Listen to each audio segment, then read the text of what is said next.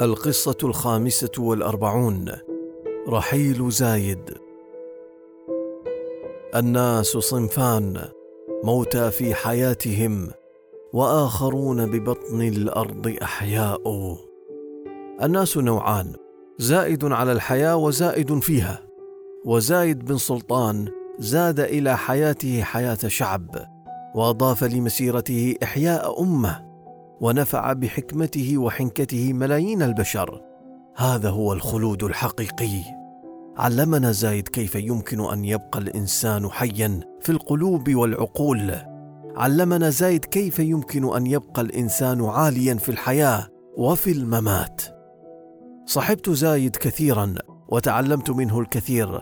تعلمت منه البحث عن مساحات الاتفاق لا الاختلاف البحث عن المستقبل لا عن الماضي. البحث عن أسباب توحدنا وتجمعنا وتقوينا وترفعنا. هكذا كان زايد في سعيه لجمع شمل الإمارات ولولا حكمته ربما لم تكن الإمارات هي الإمارات. زايد هو أول حاكم للإمارات أول مؤسس أول من سن قوانينها وتشريعاتها أول من وضع حجر الأساس لبنائها.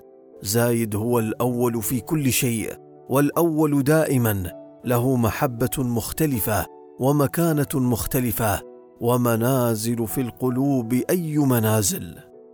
حكم زايد العين منذ العام 1946 عندما كان عمره 28 عاما فقط أحبته القبائل واجتمع حوله الرجال وبدأ مسيرته من قلب الصحراء حفر الآبار بيده مع البدو وشق الأفلاج معهم بنفسه ولم تقف ندرة الماء والمال عائقا أمامه. أنشأ لهم أول مدرسة وأول سوق وأول مشفى وأول شبكة طرق حديثة. هو الأول دائما. أحبه الناس هناك لأنه كان يأكل معهم على الأرض ويحاورهم ويشاورهم ويعمل بيده معهم. من بساطة العين انطلق زايد في مسيرته من غير تكبر أو غطرسة مصطنعة فنجح في ترسيخ حكمه وحكمته عبر أكثر من نصف قرن وهبها لبلده.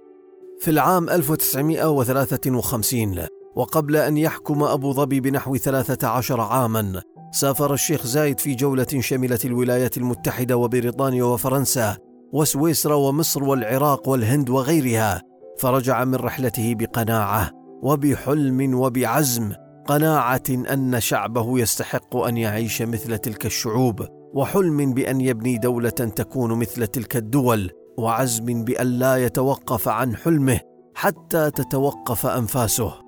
وبدأ رحمه الله حلمه واستمر دون كلل حتى توقفت أنفاسه في العام 2004 وما زالت إنجازاته باقية تتنفس بيننا. ما بقيت هذه الدولة؟ صحبت زايد في الكثير من اللقاءات والاجتماعات والأزمات أيضا. إن كان لي أن أصفه بكلمة فهي الحكمة. والحكمة كنز عظيم يؤتيه الله من يشاء من عباده. ومن يؤت الحكمة فقد أوتي خيرا كثيرا. كانت له حكمة في التصرف بالأموال التي تحت يديه. أموال النفط. هناك الكثير من الدول النفطية في العالم لكن القليل منها فقط. يملك الحكمة حكمة زايد.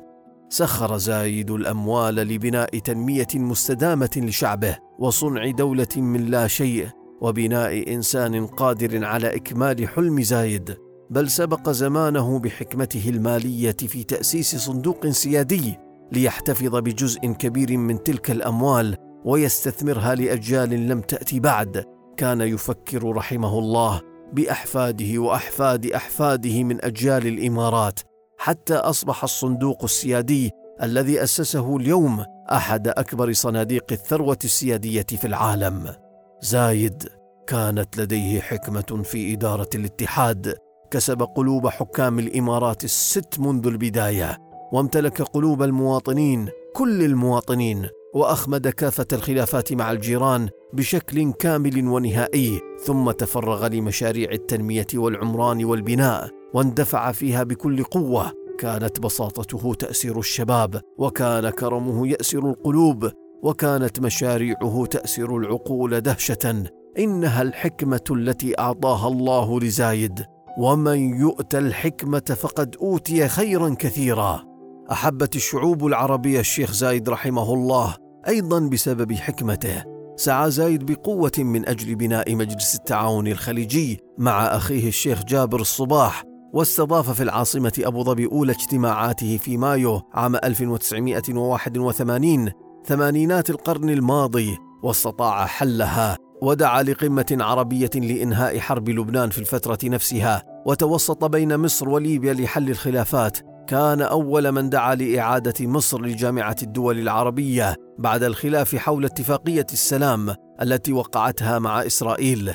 كان أول من دعا للمصالحة بين العراق والكويت بعد الغزو الغاشم للكويت وحاول تجنيب العراق الغزو الأمريكي عبر عرضه على الرئيس العراقي الخروج واستضافته في أبو ظبي. كما ساهم مع الأمم المتحدة في حفظ الأمن في الصومال الجريح من خلال مشاركة قوة إماراتية في القوة الدولية المتعددة الجنسيات في مطلع العام 1993 وغيرها الكثير الكثير من القرارات والمواقف التي تبرز سعي زايد للبحث عن مساحات الاتفاق وإطفاء نيران الخلافات والجمع بين الإخوة ونبذ الفرقة.